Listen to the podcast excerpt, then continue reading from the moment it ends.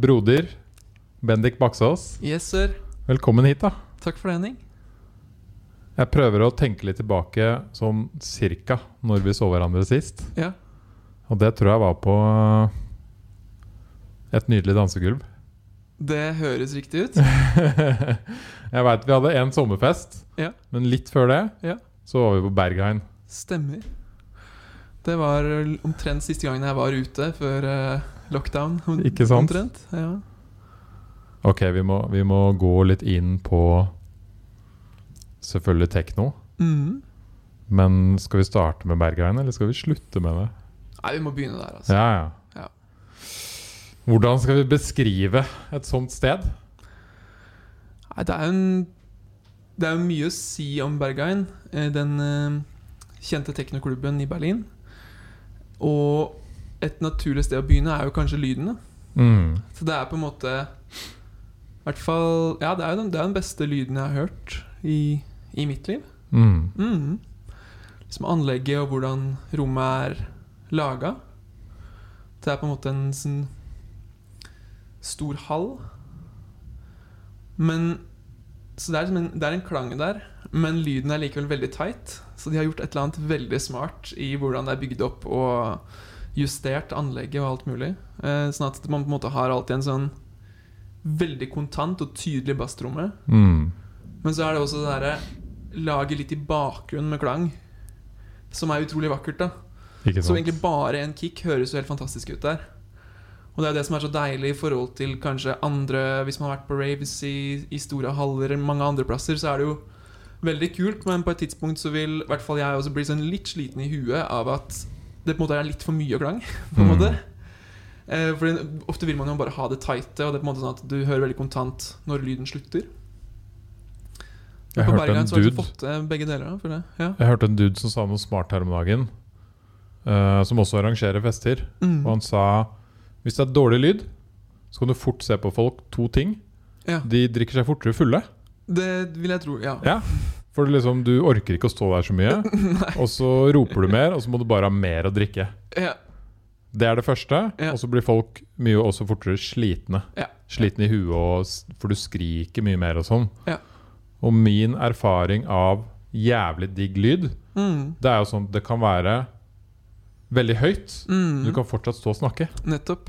Da er det helt liksom ultimat lyd. Ja, det er perfekt, for da kan man i prinsippet være så lenge man gidder. Mm. Altså, det, det er ingenting som på en måte gjør at, at man blir, blir sliten selv om lyden altså, oppfattes veldig høy, fordi den er veldig kraftig.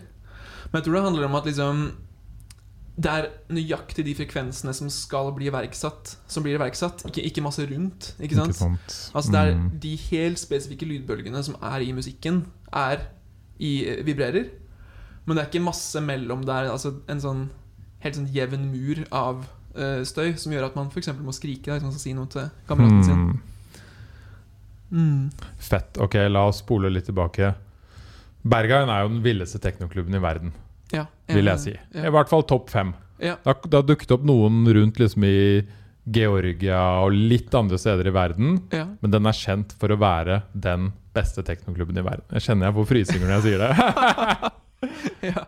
Jeg husker, bare for å liksom gi folk litt kontekst, hvis man ikke har vært der, for å Mm. beskrive hva man kommer inn til. Mm. Jeg husker første gang jeg var der. Da var jeg sikkert 19 år, kanskje.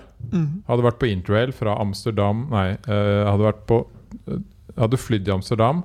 Uke der. Vært på noen klubber. Mm. Helt ålreit. Ja. Toget til Berlin. Helt konge. Med ett mål, Mm. og det var å komme inn på Berghain. Men hvilke år var det her? Eller jeg ble litt nysgjerrig. Det må ha vært sånn tolv år siden eller noe. Ja, ikke sant? Da begynner vi å snakke. Tolv, snakker jeg 20 Ja, altså rundt 12-13 år siden, da. Ja, nettopp. Mm. Og vi dro til Berlin, og så hadde vi hørt om Berghain Mm. allerede da. Det var allerede da ganske kjent. Mm. I hvert fall for folk som var inne i tekno. Mm. Eh, og så husker vi også Husker jeg også at som nå i dag, så var det jævlig vanskelig å komme inn da òg. Ja. For det, var en, det har alltid vært en greie med Berghain. Ja. Det er liksom De er dritstrenge i døra. Ja. Uh, og så er det noe sånn De må se i øya dine Ja. at du vil inn der for å Altså, du må ha du må ha respekten i øynene dine når de ser på deg. Mm. At du skal inn der ikke for å kødde og bli dritings, Mm. men for å oppleve friheten og, og musikken Ja. som man får oppleve på Bergheim. Eh, og vi hadde hørt av noen luringer at uh, skal dere komme inn, sånn almost guaranteed, gå søndag morgen. Ja. Ikke sant? Så vi var sånn Ja, da er vi i Berlin, og vi bare Ja, vi må jo bare sjanse på det. Vi stikker og uh, tar noen øl, men legger oss tidlig på lørdagen. Mm. Så står vi opp åtte på søndag. Og så spiser vi en heftig frokost. Og så gjør vi Altså, vi går i helt Helt altså sånn som jeg har på meg i dag. Kjedelige, svarte klær. Mm. Ikke fikse håret. Kanskje ikke dusje. Uh, og så kom vi inn. Mm. Og Jeg husker den gangen Det var liksom sånn Vi bare skalv i døra, bare, men, men vi sa til hverandre Hvis vi virkelig tror at vi kommer inn nå, så kommer vi faen meg inn. Vi kan ikke ha noe, vi kan ikke ha noe på en måte tvil i øynene våre. Og det første jeg husker så kommer du inn, så er det strenge vakter som sjekker deg ordentlig. Mm. Som er liksom svære og skumle. Mm. Og så kommer du inn innafor, og du har betalt og får Mm. stempelet. Og da er full frihet. Alt er lov. Mm. Som er helt sånn Det går fra å være jævlig strengt og skummelt til å være sånn Nå er det full frihet. Ja. Ah. Og så husker jeg det første jeg så når du liksom entrer denne svære, gamle, nedlagte Hva, hva er det det egentlig har vært igjen? Husker du det? Oh. Industri uh, Ja, det er jo en eller annen industri. Jeg husker ikke helt hva det er de drev med der. Nei, det, Men det første jeg så da, var kanskje en fire-fem For du husker det går sånn trapper opp Mm. når du kommer inn ved garderobene. mm. En fire-fem meter høy statue Ja. av en dude Ja. med en gigantisk pikk i Yes. munnen. Ikke sant? Da er standarden satt. Der er bergeren, liksom. Der har du Bergheim. Starten på liksom OK, nå kommer jeg til å oppleve noe unikt. Ja. Og hvordan var musikken da? Når du kom opp? Så du går opp den trappa, Ja. og så kommer du da til Bergheim dansegulvet. Mm. Som kanskje er plass til Hvor mange folk tror det er plass til der, da? Eh, på gulvet? Ja, Jeg vet ikke. Kanskje nærmere tusen? Tusen, ja? Kanskje? Føles i hvert fall sånn. Ja, Men eh, det er jo mange hundre, i hvert fall. Ja. Kanskje rundt 1000. Det er ikke det største liksom, dansegulvet. Nei. Men stemninga der klokka ni om morgenen på en søndag Ja. var liksom hvis den, hvis Du kan tenke deg den aller beste festen du har vært på noen gang. Bedre enn det. Ja. Med tanke på at det var bare prime time. Liksom sånn Av og til når du er ute i Oslo, kommer deg på en teknoklubb, klokka er liksom halv tre. Ja. Du bare Nå er det nådd toppen! Ja. Sånn er det om morgenen når du går inn på Bergheim. Ja, og det er også veldig sånn der, energisk dansing, føler jeg. Altså, det, er, måte, det, er, det er mer treningssenter enn sånn eh, sløv eh, fylleklubb, på en Ja.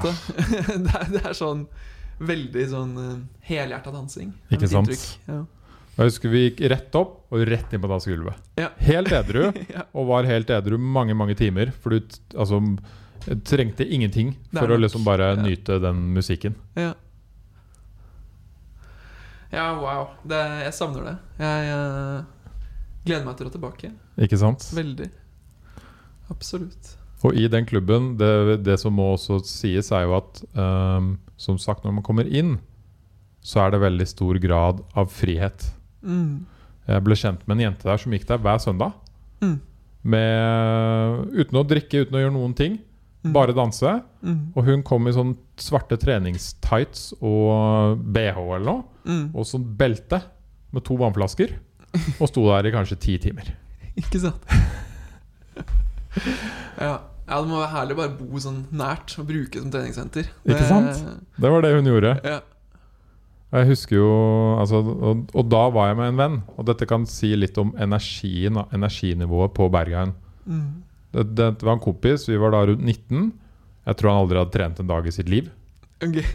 Og vi var der i 24 timer. Ja da får du kjørt deg. Yes. Da var vi slitne, altså, da når vi dro hjem. Men det sier litt om energinivået, hvordan det er der inne. Ja. Og du ser jo alt òg. Hva er det man ser der inne? Så det er jo det, det er jo den friheten som du snakker om, og som har mye med å gjøre at sånn, det er jo ingen synlige vakter inne. Eh, og det er, det er jo helt sikkert noen som på en måte er på jobb eller har et eller annet slags ansvar, men de er i hvert fall eh, veldig, holder veldig lav profil. Eh, så føler jeg også at sånn derre De vaktene i det, som du sier, i den der første liksom der, eh, eh, Den første sjekken når man kommer inn, er jo veldig på en måte sånn tydelig om at sånn derre Respekter andres grenser, liksom. Mm. Det er sånn en, en, en beskjed som de gir til alle, da. Um, og som, ut fra hvert fall min erfaring, alle liksom overholder. Veldig. Så jeg, liksom, jeg, jeg har aldri følt meg på en måte mer trygg. Selv ikke liksom på en fest med 70 folk i Oslo, liksom, så er det for, fortsatt mer sånn usikkerhet, nesten, noen ganger. Men det, det er eh, Det er ingen som danser på meg. Det er ingen som, som faller på kroppen min, på en måte. Eh, og folk på en måte har på seg eh, veldig sånn derre Crazy klær. Ja. Eller, eller ikke, ikke så mye klær. Men det er på en måte veldig sånn overraskende de første fem minuttene, og så er det liksom ikke det. Det er helt vanlig etterpå. For det er ingen andre som gjør noe oppstuss rundt at sånn Han har på hundemaske og bare hundemaske. Ja. Greit, liksom. Og for så vidt selvfølgelig joggesko. Eh, og da er det bare sånn Ok, greit. og så fortsetter Det er akkurat som du Slikker sier. seg litt på poten, og så fortsetter å danse. Uh, og det er på en måte um, Ja, jeg har ikke noen sånn erfaring med å være på nudiststrand sjøl, men ja, kanskje det er litt sånn at når alle bare aksepterer at sånn Her er vi folk, vi gjør det på denne måten, så er det ikke noe mer å lure på. Nei. Um, Og en ting å legge til i det der, er jo at det er ekstremt strengt i forhold til mobiltelefon. Det må selvfølgelig sies. Mm. Og, og det er jo kanskje eh, blant mange fine ting å trekke fram noe av det beste. Sånn er det jo riktignok på veldig veldig mange Berlin-klubber, Yes. for ikke å si nesten alle. Um, men ja, det er jo bare Det er jo som å være på en lang sommerferie. Yes. altså Bare gå inn og være et døgn uten å bli tatt bilde av, eller Ah. å måtte deale med den um, Det utenfra-blikket på hvor jeg er akkurat nå. Mm. Og det gjør jo også at liksom, det å slå seg løs er mye mer eh, Det er mye lettere å, å gjøre det, da. Mm. Um, ja. Det blir jo rart ikke på en måte flere klubber i Oslo også hiver seg på det. Altså, det fungerer jo utrolig bra. Ikke sant. Jeg syns det er en det, det fakta at man ikke kan ha mobil Eller man kan ha mobil i lomma, men de teiper jo De klitter, ja. Klitter, tar klistremerker på kameraene, Mm. og så veit du at tar du opp mobilen og prøver å ta bilde, så for det første kommer folk til å se det. Mm. Og se, altså, du, du kommer til å bli kasta ut, Ja, sannsynligvis. Ja. Det fins faktisk helt vilt lite bilder fra Bergein på nettet. Ja, altså, jeg har ikke søkt på engang. Jeg, bare- jeg, jeg vil ikke Nei, jeg har- jeg, Bildene i hodet mitt er bedre. Jeg har testa bare for å se liksom, om det har vært mye lekkasjer og sånn. Og respekten for det stedet etter å ha vært der. Det er sånn til og med sikkert Om du har tatt bilde, så har du ikke lyst til å dele det. For det er så vilt fett her inne. ja. Og man skal respektere spesielt det når liksom folk har kledd som du vil, eller som de vil. Mm. Uh, og det er en, en Innafor de murene er det en frihet en privacy du ikke skal bryte. Mm. Og altså en annen ting som du var litt inne på tidligere også, er jo Og det er, sånn er det jo med de fleste Berlin-klubber, eller mange. Eh, også er det med på en måte at det ikke er noe sånn stengetid, sånn som jeg er vant til her i Norge. da Yes. At det er på en måte festen egentlig går 24 timer over eh, noen dager. Og det som er så fint med det, er jo at sånn da, helt uavhengig av når man kommer inn, så er man alltid en del av en eller annen Altså ikke bølge, men la oss heller kalle det en strøm. da En strøm Mm. av eh, nytt blod som kommer til. Så etter hvert som noen blir slitne, kanskje noen blir for drita, eller et eller annet sånn, så er det sånn Ok, nå, nå skal de kanskje hjemover. Eh, og så kommer det liksom hele tida nye folk. Sånn at sånn derre man kan på en måte være der en stund, og så bare sånn Oi, den personen så jeg for ti timer siden. Nå begynner han å bli sliten. Mm.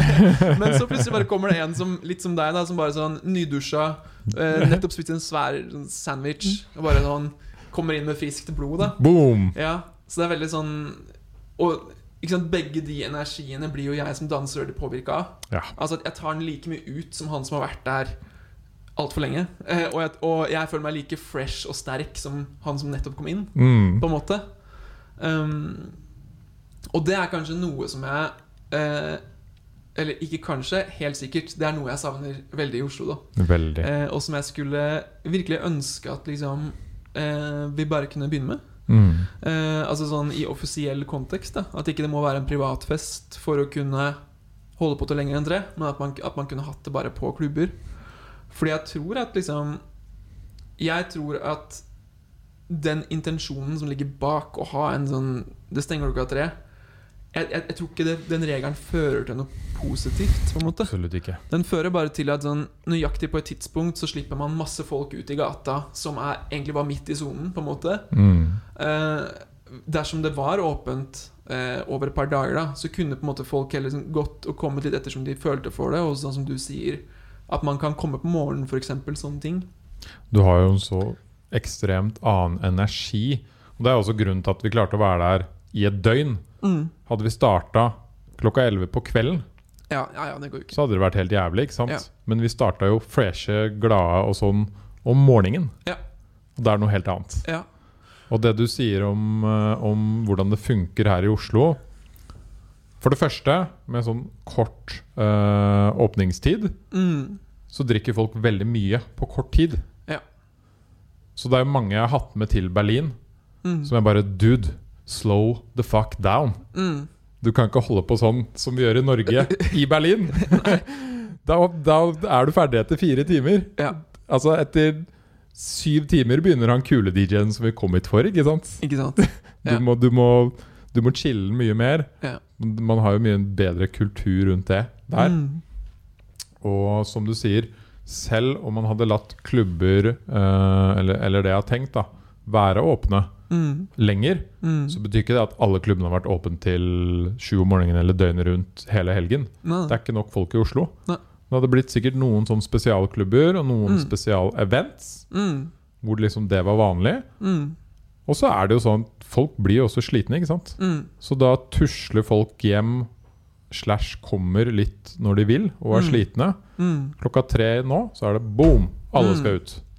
Ja, og det som også er veldig uheldig med det, er jo at det legger en del føringer for det kunstneriske som eh, Som jeg blir lei av noen ganger. At på en måte sånn En, en typisk kveld har liksom en dynamikk som er sånn eh, Som DJ, da. Ok, kanskje begynner å spille 11, og så kommer folk sånn 12-halv 1. Og da, så da må du spare de gode låtene til det. Yes. Og så er det liksom én eh, kurve, eller jeg vet ikke om vi kaller det en kurve engang, men bare en, en oppoverbygging helt til klokka tre, og så er det ferdig. Ja. Det er ikke noe på en måte mer å jobbe med i form av dynamikk. Og det tenker jeg er veldig synd, fordi at det gjør at liksom eh, Det legger ikke til rette for å skape liksom en, en et, altså, et, en frukt, et fruktbart mangfold liksom i hvordan klubbmusikken kan utvikle seg, sånn som jeg opplever det. i hvert fall Mm. Det blir på en måte Det kan fort bli litt kjedelig og litt repetativ, den derre eh, sånn eh, jevne stigninga som ikke på en måte Hvor det ikke er rom for noen nedetid. da Kan ikke bare gå over til bare sånn Nei, nå går vi inn i liksom nå i en og en halv time. Det er sånn Da er folk sånn Du, vi må dra et annet sted. Jo bassrommet blir Ikke borte. sant. Ja, folk skal ut klokka tolv-ish, Så- så skal de ha full fest Ja, i tre timer. ja.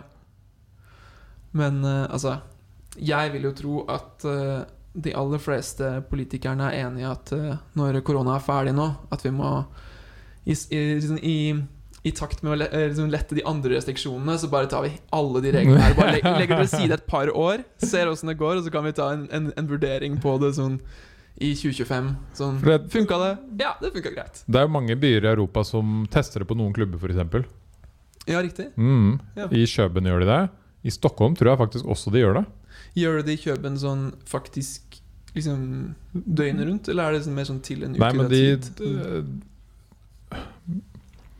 Folk er ikke vant til døgnet rundt-stemning på klubbene i disse byene ennå. mm. Så hvis man hadde kjørt døgnet rundt, så hadde det sikkert ikke funka. Ikke sant? Hvis vi hadde kjørt det her i Oslo. Det er ikke sikkert det hadde funka. Kanskje ikke på første gangen, men Nei, det ville tatt litt tid da, å komme Ja. dit. Men de Mm. kan stenge syv eller åtte eller om morgenen. da Ja, riktig. Ja. Eh, Så da kan du holde på ganske lenge. Det er veldig interessant, fordi sånn Det der har jo vært en greie i Berlin kjempelenge. Mm. Det at det er lov å, uh, å ikke ha en stengetid. Uh, jeg, tror det har vært liksom nå, nå gjetter jeg, men liksom siden 50-tallet. Altså, det er på en måte Det, det er kjempelenge, da. Siden klubbkulturen ble liksom satt i gang. Så det er ganske spennende. Uh, ja, men også på en måte før det. da Altså Før på en måte det kanskje vi kjenner Eller sånn Mm. klubbkultur i form av liksom elektronisk musikk. Men liksom før det igjen også, så, så var det eh, Så var det lov, da. Så det Mm. lå liksom til rette. Da på en måte Eller, eller var liksom godt innarbeida i kulturen. Da liksom den elektroniske musikken begynte å vokse fram i Berlin. Det er veldig interessant. Jeg, jeg håper jo Jeg har arrangert fester mange år i Oslo, Mm. og jeg er helt enig i det du sier. Jeg merker veldig godt på artistene at de har ikke den friheten de trenger. Mm. Og så booker vi jo artister fra utlandet, Mm. og de er sånn Hæ, stenger dere tre? What Ja. the fuck? Ja. Da må jeg Hva skal jeg gjøre da? Jeg må spille kjempekort. Altså, eller kanskje vi bare må Istedenfor å vente på at eh, liksom Altså Politiske omveltninger tar jo vanligvis litt tid. Så kanskje vi bare må liksom Heller spørre sånn Hvor tidlig er det lov å åpne? Liksom. Mm. Kanskje det er det nye spørsmålet. Istedenfor sånn, hvor, hvor seint kan vi åpne? Sånn, Hvor tidlig er det lov å åpne? Altså, sånn, det er lov å selge øl i butikken klokka ni. Ja. Så om det er det på en bar klokka ni om morgenen, det vet jeg ikke. Men eh, kanskje det er det. Det kan hende. Så hvis man på en måte kunne liksom faktisk begynt med det da, sånn, Nei, det er Fordi jeg også har jo spilt på en del sånn dag dagfester og sånn på utesteder. Og da er det jo ofte litt sånn utfordrende at sånn der, Ja, det begynner liksom klokka ett, men folk kommer jo De skal jo spise middag først, liksom. Ja, ja. Så akkurat den er litt sånn tricky. Men, men kanskje man kunne liksom eh, Nå tenker jeg høyt, da, men altså, ok, det er én pris hvis du er inn, innafor døra klokka ti om morgenen. Mm. Hvis det er etter det, så, så koster det sånn åtte ganger så mye. Nei, nå koster det 900 kroner. Og sånn, ok, da, da kommer jeg fem på ti. Vi kjører jo Monumentfestivalen, Mm. og der har vi rett og slett bare Ikke sant, Vi veit vi ikke får lov til å ha festival til syv om morgenen. Mm. Så vi har rett og slett bare snudd på det litt og sagt dette er mer enn dagsfestival. Mm. Ikke sant? Ja, ja da, da gjør det jo det. Mm. Vi starter uh, med musikk 10-11 om mm. morgenen Mm. og spiller til 3-4. Ja. Det er jo uh, Det burde greie seg, det. Ja, det holder. ja. Da er folk good. Ja. ja. ja det, det passer perfekt nå om sommeren. Da. Mm. Et annet, en annen utfordring selvfølgelig for folk som jeg har hørt her i Norge, er jo at det er ganske dyrt å gå ut og drikke på byen. Ja. Det er det ikke i Berlin. Nei, det er jo ikke det. Så den den, øh, den utfordringen der kommer man liksom det er, ikke noe, det er ikke så mye å gjøre noe med. Nei, Norge er et dyrt land. Ja, det er det. Men altså, ja, det er jo dyrt. Men jeg, jeg vet ikke sånn derre Det er mye høyere lønninger òg, da. Altså, jeg vet ikke akkurat hvordan det regnestykket egentlig er. Hvis jeg Nei. Kanskje det ikke er dyrt. Hvis man ser på lønn og Jeg synes i hvert fall det er ofte sånn her Noen ganger sånn med hva det koster å komme inn på en gig og sånn, så er det sånn Noe jeg så syns folk at sånn Hæ, koster det 200 spenn i døra? Så er det sånn Hva? Det er jo Det er jo ingenting, liksom. altså i forhold til hva Hva jeg bruker på alle mulige rare ting i livet mitt. Liksom, jeg vet ikke, Mm. bare sånn En overgang på en kabel 399, ok. Liksom. Yes. Altså, det er bare uh, Ja, jeg, tror- jeg tror det er veldig viktig på en måte Og det håper jeg også kanskje litt nå etter korona Eller hvis det går an å si det. Ja. Eh, Når, når, når, når nå som ting etter hvert begynner å åpne, at på en måte Jeg håper folk kanskje er litt mer sånn rause på hva de er keen på å betale i døra. da mm. Fordi sånn Nå har vi prøvd å liksom leve uten livemusikk og uten klubbkultur i eh, et år, halvannet. Og det er jo liksom Det er masse positivt med det, men det er veldig mange folk, inkludert meg sjøl, som savner det helt utrolig mye. Helt ekstremt. Så jeg kjenner liksom nå at sånn derre eh, Ja, jeg kan, godt, jeg kan godt betale for det, liksom. Jeg kan Mm. betale for å komme inn. Um, En morsom greie med det som vi også har tenkt på fra arrangørens side, da, mm, er jo at folk betaler jo gjerne 400-500 spenn for en konsert. mm, mm, Men en klubbkveld hvor en DJ liksom har lagd musikk, øvd seg, kanskje spiller live, mm. har forberedt seg lenge Ja. Der er det sånn Nei, det betaler vi maks 150 kroner for. Ja, ja det, det er veldig rart. Mm. Men jeg tror det er veldig viktig å insistere på eh, på det fra, liksom, fra oss som eh, arrangører og, og, og musikere sin side. Fordi det er jo også en veldig sånn eh, eh, Sånn sterk psykologisk effekt at på en måte jo mer jeg betaler for å komme inn, jo bedre vil jeg synes det er. I de aller fleste tilfeller. da Mm. Det finnes selvfølgelig noen unntak. Eh, men eh, mens, men altså, la oss bare si at det, det musikalske er Det er bra, da. Og det treffer min smak og sånne ting. Og det tekniske er på plass. Så er det sånn Hvis jeg da betaler 100 kroner mer for den billetten, så vil jeg få en, en bedre opplevelse. Fordi jeg på en måte liksom, i gåseøynene det for meg sjøl at det her var en riktig bruk av Mm. de pengene. da eh, Så jeg tror egentlig at sånn der, Det er også viktig å, å, å, å tenke på det. At liksom sånn F.eks. ved å arrangere liksom gratis konserter, sånne ting, da så er det sånn Man gjør egentlig ingen en tjeneste ved det. Og det er sånn jeg også alltid har vært veldig sånn Eller ikke alltid, på ingen måte, men uh, i de seinere åra vært litt sånn kritisk til med musikkens dag og sånne ting. At sånn, ok, det er en festdag. Og det er jo helt klart musikkens dag, men det er ikke musikernes dag. da Nei, det er jeg har sånn spilt på det mange ganger, og særlig også siden jeg var ung. At bare sånn, ok, men Det er fint sted for å vise seg fram. Og så bare Ja, men det er fortsatt sånn der Man får liksom kanskje ikke taxi dekka hjemme med utstyret. Man får sånn én matbong og to pils som er sånn Ja, greit, liksom. Eh, eh, jeg, jeg tror det er viktig å um, Hvis vi ønsker på en måte uh, musikk eh, på et høyt nivå, så er det viktig å tenke at sånn, de som gjør det, skal ha muligheten til å kunne overleve av å gjøre bare det. Mm. Ikke at man har vondt av å gjøre forskjellige ting, men at hvis vi på en måte presser DJ-er og musikere til å leve som amatører, altså eh, ha en annen jobb ved siden av og på en måte sånn sett begrense hvor mye tid de får bruke til å konsentrere seg om kunsten sin, så må liksom det kunstneriske nivået også eh, eh, være lavere, da. Sånn som jeg tenker. Hm. Helt, helt enig. Mm. Helt enig. Og det Det er en utfordring vi ofte har hatt. Fordi Mm. klubbene skal jo ha sin cut. Mm. Folk betaler ikke så mye i døra. Mm. Og så skal du ha DJ-betaling. Mm. Og så skal du jo gjerne ha noe til crewet òg. Et eller annet Ja. godbit til dem som har jobba og rigga og styra hele dagen. Ikke sant. Ja. Så det er sånn derre blir litt sånn symbolsk uh, Ja. Men det som er utrolig bra eh, i Norge, er jo at vi har mye eh, tilskuddsordninger fra det offentlige. Altså muligheter for å på en måte få støtte til prosjekter som på en måte ville vært umulig uten da i Norge. Litt pga. at det er ikke så mange mennesker som bor her.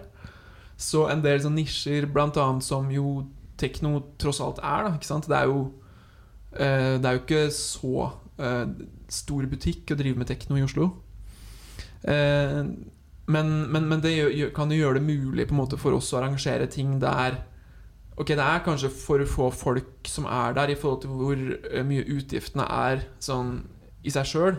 Men at man kan få et tilskudd som kan bidra til å gjøre det, mm. gjøre det mulig. da Og det er jo utrolig fint. Det er veldig bra. Det eneste nedsiden med disse tilskuddsordningene er at det er vanskelig å søke på dem ofte. Språket Ja. på mange av Ja. de er sånn Mm. derre Ja, du må ha et akademisk språk Ja, når du holder på med kunst. ja, Du burde ha skrevet en masteroppgave innenfor uh, søknadsskriving for å sende inn en søknad, spesielt til Kulturrådet. For vår Ja. del, i hvert fall. ja altså jeg, jeg forstår veldig godt at du føler det sånn, og det er nok litt pga. hvordan retningslinjene er skrevet, og hvordan Mm. all informasjonen du får i forbindelse med tilskuddsordninga, er eh, formulert. Men jeg, jeg må faktisk si at eh, jeg har ikke nødvendigvis akkurat det inntrykket, altså. Faktisk. Eh, og Det har vi etter fire år. Ok, Ja. men, men har du inntrykk av Altså Har du prøvd å skrive en del liksom, akademisk avhandling-baserte søknader, og en del mer sånn muntlig levende søknader, og så Yes. sett forskjellen på hvem som går inn? Yes, vi har prøvd begge. Og Vi har ikke fått noe funker? fra Kulturrådet. Ok, ok, okay. Nei. Nei, men eh, dere må ikke gi dere. nei, nei, det, det, det gjør vi ikke. Det, det kommer til å skje. Men sånn som jeg tenker, i hvert fall er, Jeg tenker at jeg skriver sånn mer eller mindre som jeg prater til deg nå. Selvfølgelig mer på en måte kutta ned og liksom tydelig. eh, Jeg jobber jo med teksten, men jeg skriver veldig muntlig og veldig sånn fra hjertet. Mm. Eh, fordi jeg tenker at sånn Selv om når man leser vedtekter, sånn, så kan det virke sånn utrolig sånn eh, tungt og litt forvirrende. Men når alt kommer til alt, så er det mennesker som sitter i andre enden, eh, som skal lese det. Og det er sånn, enten så kjeder de seg, eller så blir de på en måte La oss si underholdt, da. Mm. Eh, og jeg har den oppfatning at det er det siste som gjelder. Eh, også fordi at på en måte Hvis jeg skal ta på meg et akademisk språk, så blir det veldig fake. da Det er Det ikke noe jeg egentlig fake. kan, og det er heller ikke noe jeg har noe spesielt lyst til å lære. Så det vil bare bli veldig sånn skolestilaktig, på en måte. Og det tror jeg ikke de er keen på å lese, da. Enten om det er en jurist eller en musiker som mottar den teksten, så tror jeg Mm. begge vil bare sånn Ok, det her var kjedelig og ikke så veldig informativt, på en måte. Så det jeg går for i stedet isteden, er å skrive virkelig rett fra hjertet, da, og prøve å bare være veldig tydelig på liksom eh, Beskrive akkurat hva det er jeg gjør, egentlig. Og også beskrive tekno, da. Ikke? Sånn, Mm. ok, hva, hva er denne musikken, egentlig? Hva er det som kjennetegner den? Eh, Hva er tekno? Hva er tekno? Mm. Altså, tekno er dansemusikk. Og det er musikk som er laga med elektrisitet.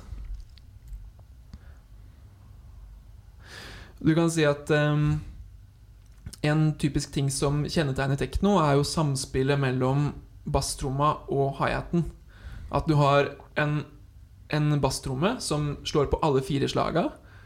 Eh, og så har du hi-haten som slår mellom de fire slaga.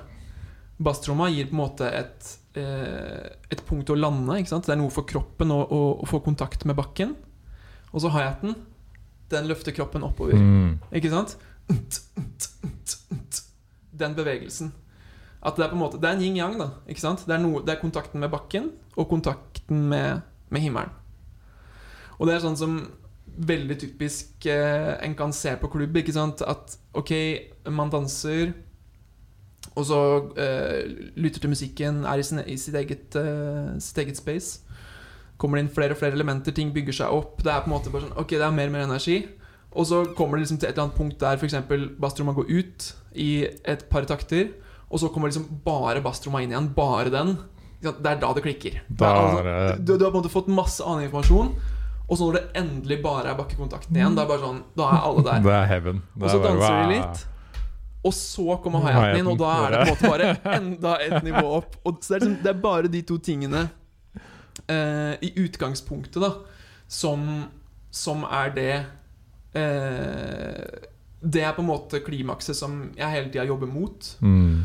Men så gjelder det jo å på en måte finne liksom Ok, hvordan kan det da videre utbroderes? Hva kan jeg bygge rundt denne grunnstammen for å gjøre det interessant å høre på over tid, og, og fortelle en historie? Ikke sant? Sånn som jeg tenker at det er at eh, En annen ting som kjennetegner tekno, er jo at er, i de aller fleste tilfeller så er det instrumental musikk. Så det er ikke noe, er ikke noe stemme eller noe sang som på en måte forteller meg som danser hva jeg skal tenke og føle. Tvert imot altså er det et, et, eh, et ganske åpent space der jeg kan ha min egen opplevelse.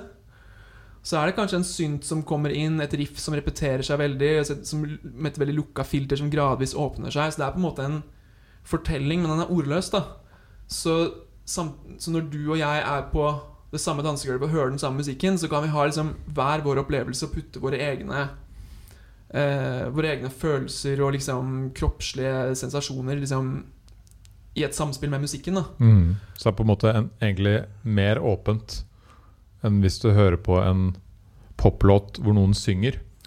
Ja, altså i aller høyeste grad. Det er, det er jo det jeg elsker med, med, med den musikken. Ja, ja. Helt klart. Og jeg føler at Og jeg, jeg har også hørt Det var en annen musiker som har vært her tidligere, som sa at musikk med vokal mm, Da bruker du automatisk hjernen vår 70 av eh, fokuset havner på vokalen. Det, det, kan nok, det kan nok stemme. Veldig mye fokus, altså om det er 60, 70 eller 80, det er ganske høyt. Ja. Det betyr at eh, Og han spilte jo eh, piano eller synt eller noe. Mm. Han sa jo Det meste går jo til hun som synger. Eller han som synger. og det er for så vidt sant.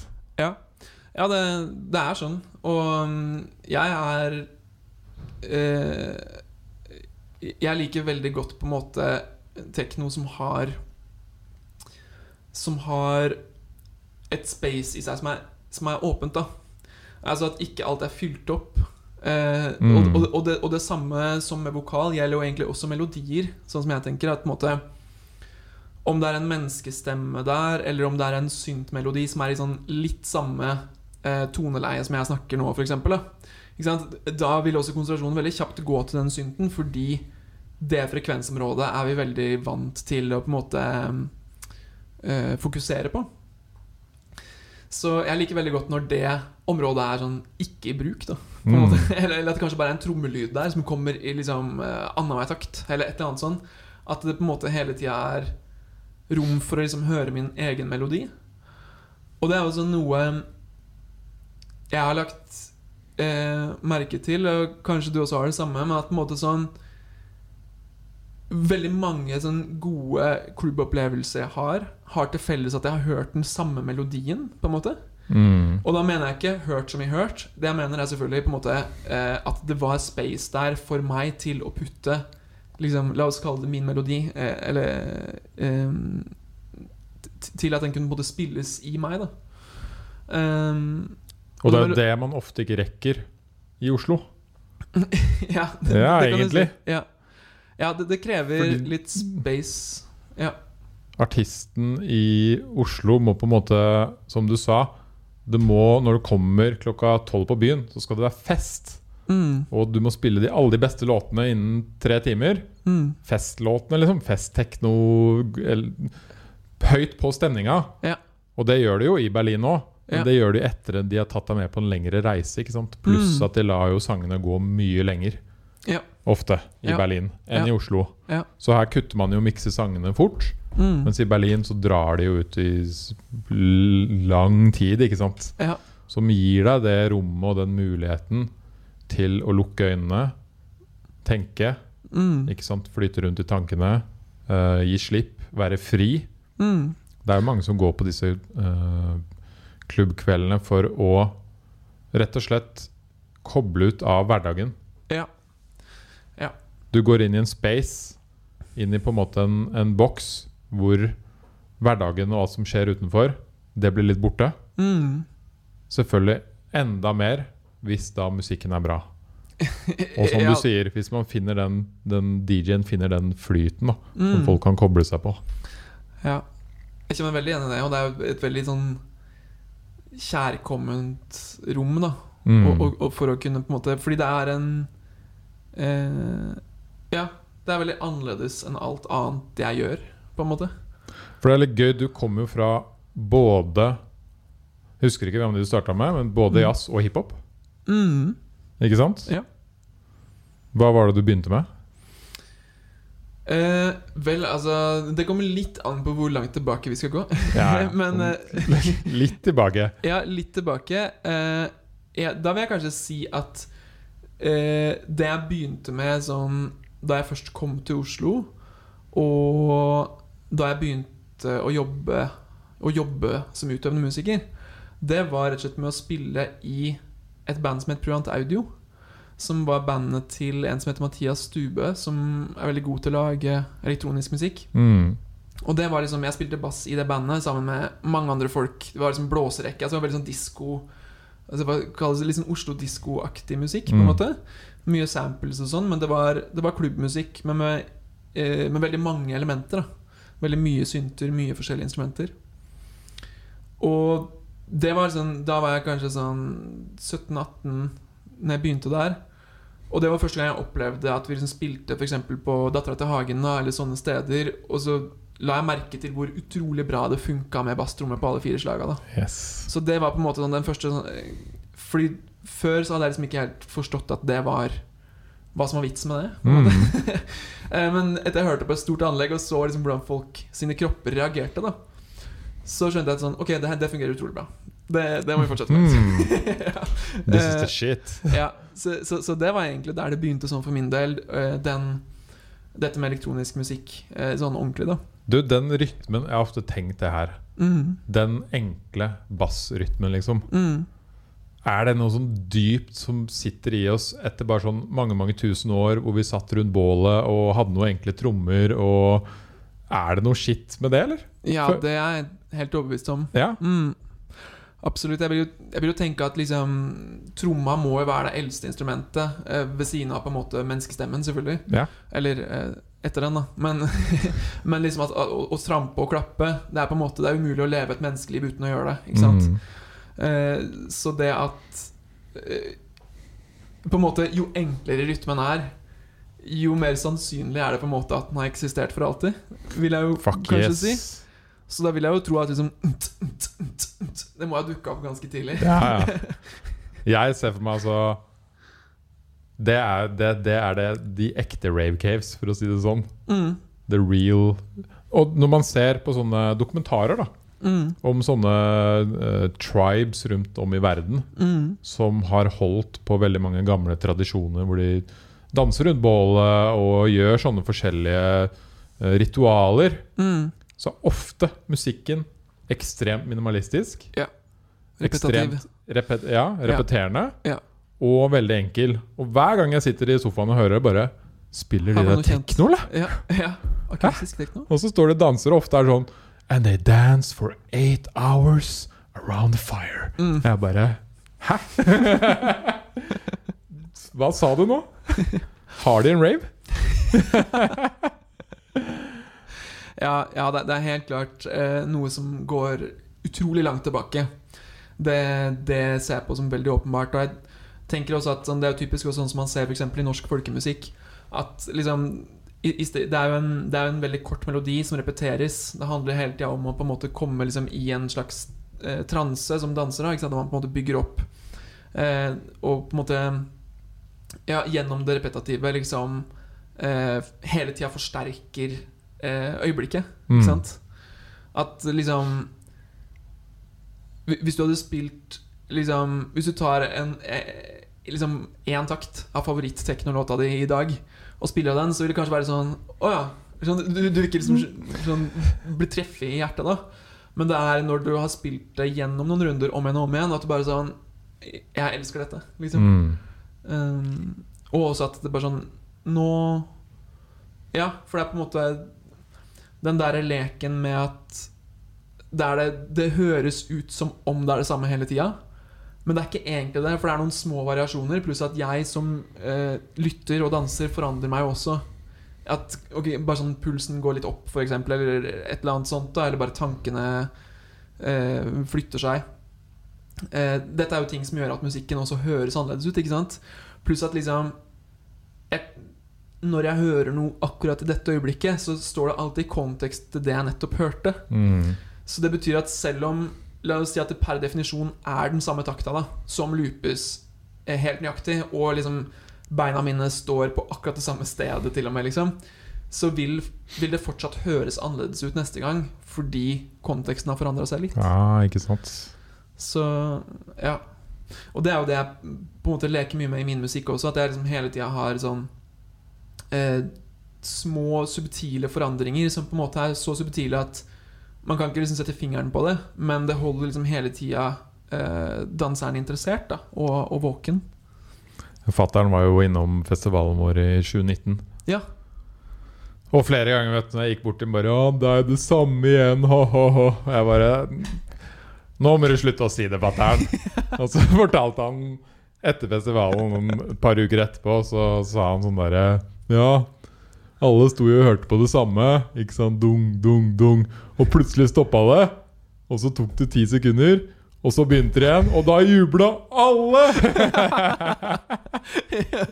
ja, det er det er, eh, det er jo veldig presist, det han sier. Ikke sant? Eh, og, så det er nesten sånn man kan eh, lure sånn eh, Hvorfor funker det?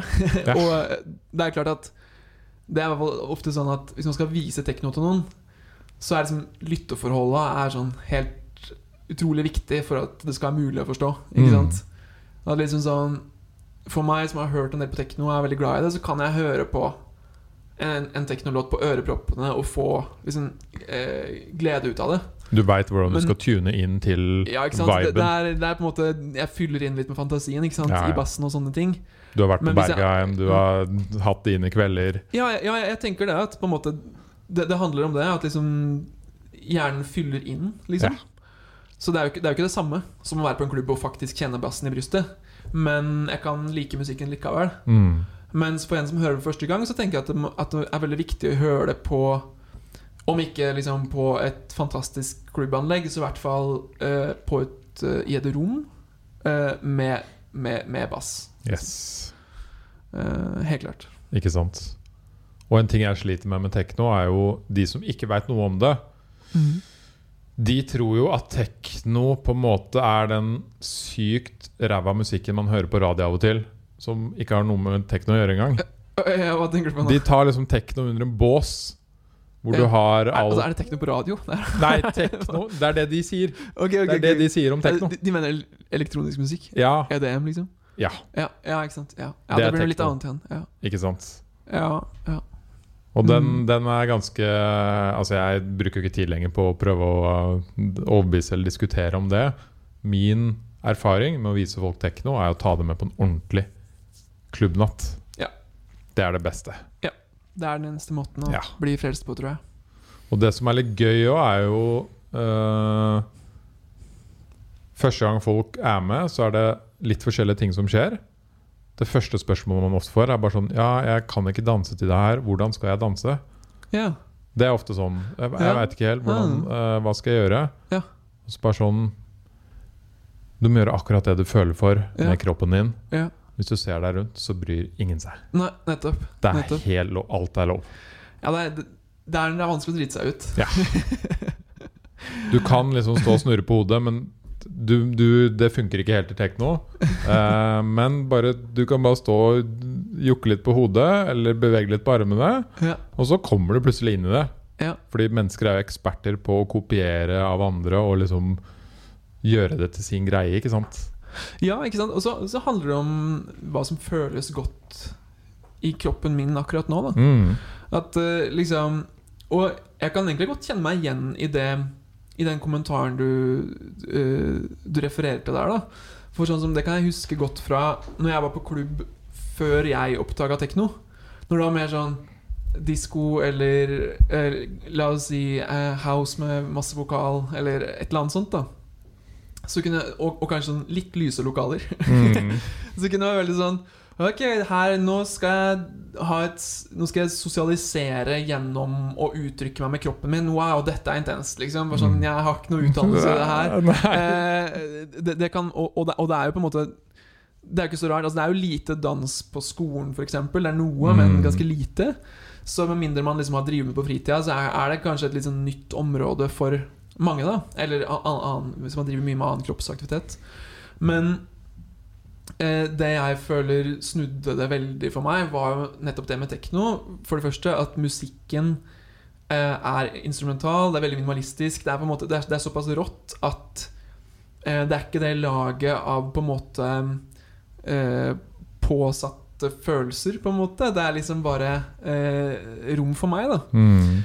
Og selvfølgelig også at klubben er ganske mørk. Eh, Det hjelper jo også veldig. At jeg ikke føler meg jaktet. Det er jo alltid litt intenst å gå over et uh, Å gå aleine over et torg hvor mange folk sitter rundt. Det er litt sånn øh, Ok, eh, dette er sånn jeg går. Eh, ikke sant? Men eh, Men det viktigste eh, sånn, som jeg kjenner når jeg danser i den konteksten, er jo bare sånn som en slags Som en yogasession, på en måte. Da. Eller sånn derre Ok, nå skal disse skuldrene litt tilbake. Nå skal de opp der, på en måte. Nå skal jeg slappe av i kjeven. Nå skal jeg kanskje ha øya igjen, f.eks. At på en måte eh, Det er ikke nødvendigvis én dans som er riktig, eller som sier noe som helst til noen andre. Det eneste er bare sånn Hvordan er det å være i kroppen min akkurat nå? Mm. Hva er det liksom Hva er det denne kroppen er keen på, liksom?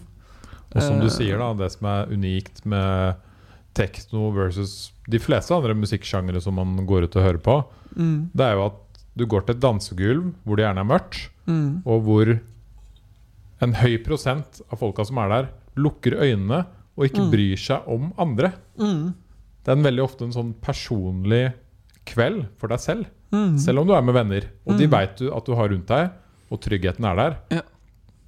F.eks. når vi er på Bergheim med gjengen, Mm, så er det sånn Vi går inn, vi veit vi er der, mm. men vi veit også at ok, vi ses om kanskje fire timer. Ja, nettopp. Og det er helt greit. Ja, Det er ikke sånn der 'Hvor ble det av Henning?' Liksom, Nei, jeg har ikke sett ham på er ti minutter. stress Ja, det er ikke noe stress i det hele tatt. Nei. Og når vi da ses, så er det sånn Yes! Wow! Yes! Fuck yeah! Du digger det, jeg elsker det. La oss fortsette å danse. og jeg vil jo si jeg, vil, jeg har jo meditert en del i livet òg. Mm. Og den følelsen jeg får på en ekte bra, bra, altså bra teknokveld Ja. uh, Det er det samme som når jeg klarer å gå dypt inn i meditasjon. Mm. Ja, Mm. det det er fint sagt. Mm. Lukker øynene, Ja. tenker, slapper av. Og så får du fjerne alt støy etter hvert Ja. fra ut, verden utenfor. Ja. Mm. Og så er du er der her og nå. Ja. ikke sant? Mm. Jeg har også, etter alle mine år som arrangør, sett mye mennesker som har kommet inn på teknokvelder. Mm. Jeg husker spesielt eh, Det var vel nyttårs... Nei, eh, um, Monument sin eh, siste fest for året. Nå er det vel sikkert i 2019. Mm. Da hadde vi booka en artist som heter Function. Mm. Veldig sånn Ja, stemmer, ja. Teknoartist fra Berlin. Mm. Veldig sær Eller han er egentlig fra USA, men han bor i Berlin. Ja. Veldig sær kar. Ja. Veldig vanskelig å ha med å gjøre. En ordentlig artist-dude. ikke sant? Bare sånn Veldig vanskelig å ha med å gjøre. Og så hadde vi kobla prosjektor, ordna visuals, fiksa masse greier. Ikke sant? Og han Ja. var litt sånn drama, og, men han, han var sin egen type, for å si det sånn. Jeg ville bare han skulle spille. Ja. Og, så, og det er jo en, i julebordsesongen. ja. Så først, det som først skjedde, var at vi varma litt opp. Så skulle han, han gå på, og han er jo Berlin-karen, ikke sant? Så han skrudde så å si på maksvolum. Og bare Ja. dundra på med liksom den hardeste, groveste Berlin-teknoen som du hører liksom syv om morgenen i Berlin når alle klikker. Ja. Og heldigvis var det jo stappfullt, så det Ja. funka jo som faen. Ja. Og det første Wow. som skjedde, var jo Nice. at eh, strømkabelen til prosjektoren i taket falt ut. Ja. Og den henger jo midt over dansegulvet, så vi bare sånn Det blir ikke noe prosjektor i kveld. Nei, nei, skal ikke opp der med stigen Nei. nå. Nei. Og da ble det liksom tre-fire enkle sånn moving heads, sånn lys som beveger seg, Ja. og røyk. Ja. Og det var jo Enda en bedre, er, altså det, det var jo det beste som kunne skje. Ja. Ja. Så den kvelden smalt av gårde. Og utover kvelden, for jeg er jo stort sett helt edru når jeg arrangerer feste selv. Jeg får jo så mye energi av det. Ja, ja. Så jeg trenger eh, ingenting. Jeg kan bare være edru og elske det. ikke sant? Mm. Eh, så kom det jo noen sånn julebordfolk innom. ja. I dress. Ok, Som klarte å snike seg inn. Eller ikke snike seg inn, de betalte å komme inn.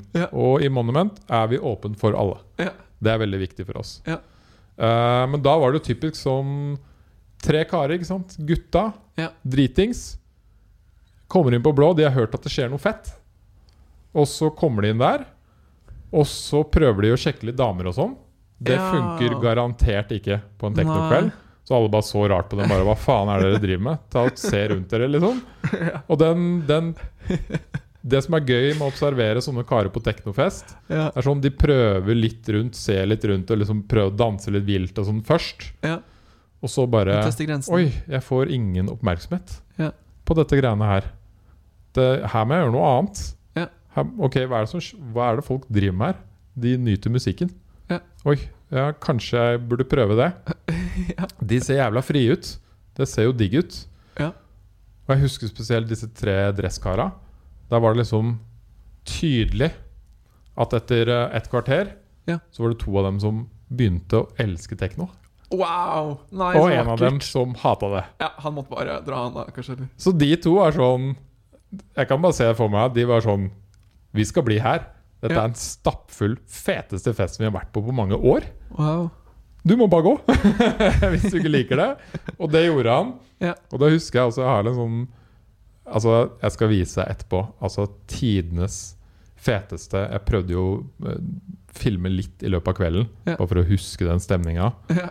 Og så står jeg litt bak disse to dresskara og Mm. filmer. Og han ene karen Altså, han bare skriker og skriker og skriker. Wow! Wow! Jeg elsker det! Ah, ah, ah, Høyere og høyere! Og det er, er liksom Og du hører det Nice. dundrer i bakgrunnen. Wow. Altså virkelig dundre på. wow. Kjempehøyt, kjempemørkt. yeah. Og bare han, eller de to gutta der, de er frelst. Ja, er, Neste er de gang- med. Ja. Neste gang kommer ikke de i dress. Ne. De kommer uten, og de er klare for å liksom Yes. De Kommer i treningsklær. Yes. ja. Og det er jo også en annen ting. Eh, det som er digg også på tekno, er at det er ikke noe press med hvordan du skal se ut, og sånn, for det er ikke fokuset. Nei, nei. Enig. Det er jo, og det er jo litt det du sier, det med, det med at det er på en måte ikke en sånn sjekkearena, da. Og det, det også er jo veldig deilig, på en Mm. måte. At man på en måte kan um, Spesielt for jenter. Ja, ja jeg, jeg regner med det. De fleste jenter jeg uh, kjenner som går på byen og har gjort det i mange år, de sier det er noe helt annet å gå på en teknofest Ja. enn alt annet. Ja. Går du på en vanlig bar, så er det liksom Da skal gutta ut for å sjekke damer. Ja. Stort sett. Ja. Så det er Mm. fett. Hvordan Eller det er fett, hva er det jeg sier? Jo, men den frisonen er Den fett. Den frisonen er fett. Ja, ja. Ja. Det, det er en, en veldig god Det er jo kjipt å være jente og føle at du hele tiden blir sett på og klådd på, og liksom Mm. Det er ikke noe særlig. Men hvordan går det med din tekno om dagen, da? Jo, takk. Det går kjempebra. Ja, Jeg uh, føler meg helt utrolig inspirert. Rett og slett. Digg. Ja, veldig. Um, jeg holder på med Altså, det uttrykket som jeg, som jeg er veldig interessert i nå, da, er rett og slett sånn uh, Jo mer elektrisk lydene er, jo mer liker jeg de, nesten. Mm. Så, så jeg jobber veldig med på en måte um, For eksempel den nyeste låta mi nå, da. Eh, den heter Våren 2, eh, som eh, dere der hjemme gjerne må sjekke ut når dere har anledning til det. Sjekk ut Bendik Baksås. Ja, gjør det.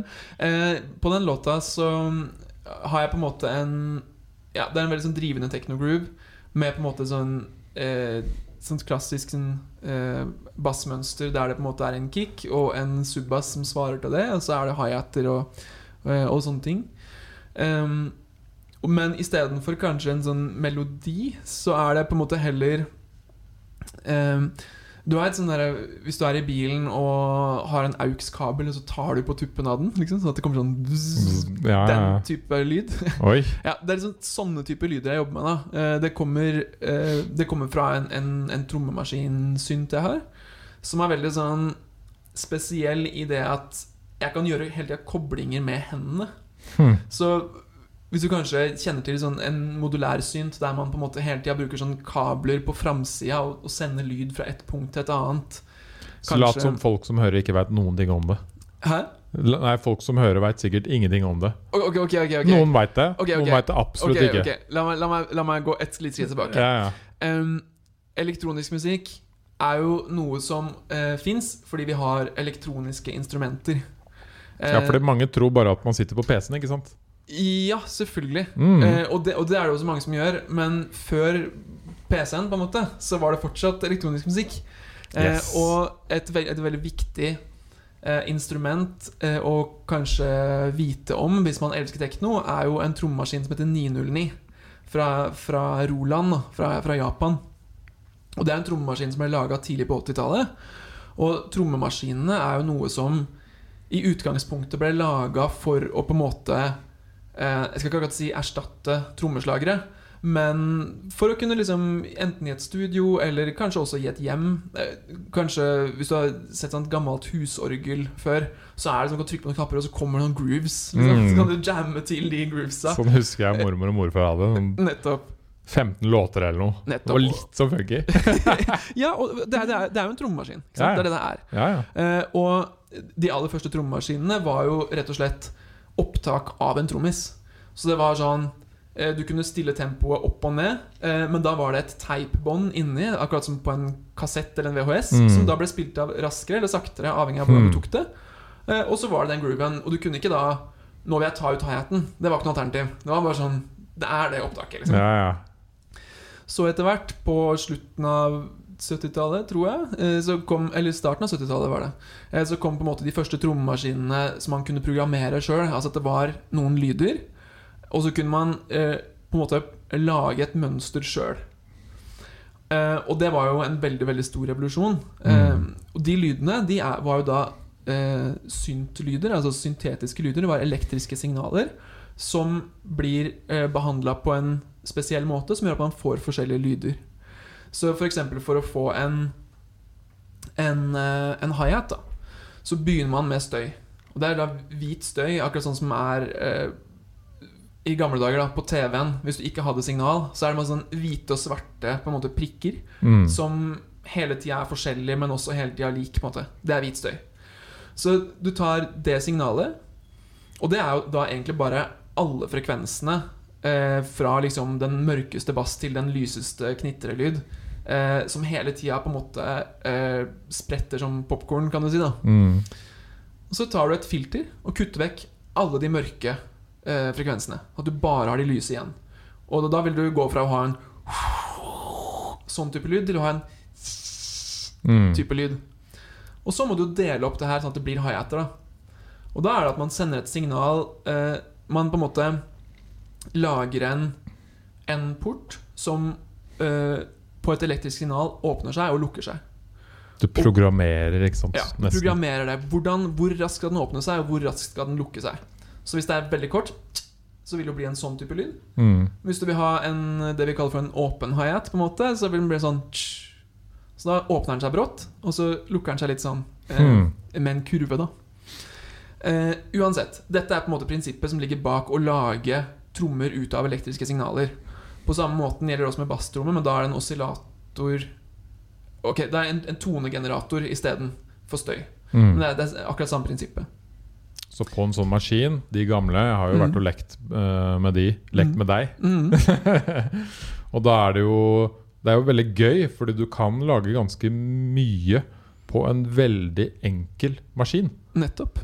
Altså Absolutt. på si den 909, da. Mm. Den har liksom Jeg vet ikke hvor mange knapp den har, men si 15 eller 20 eller et eller annet sånt. Ja, den har liksom 16, som er på en måte selve mønsteret. Som er på en måte er, Hvordan blir det? Uh, uh, ja, fire Ja. slag, én takt. Mm. Og det kan du jo vri og vende på, så du kan sikkert gange 16 med et eller annet nummer og få veldig mange kombinasjoner. da Selvfølgelig. Ja. Mm. Så en liten trommemaskin kan gi et veldig stort spekter av lyder. Mm. Fordi du kan vri og vende, og ikke sant, den rytmen skal gå litt fortere, litt saktere, litt lysere, litt mørk. Ikke sant? Ja. Og sånn kan man komme fram til sin unike lyd Ja.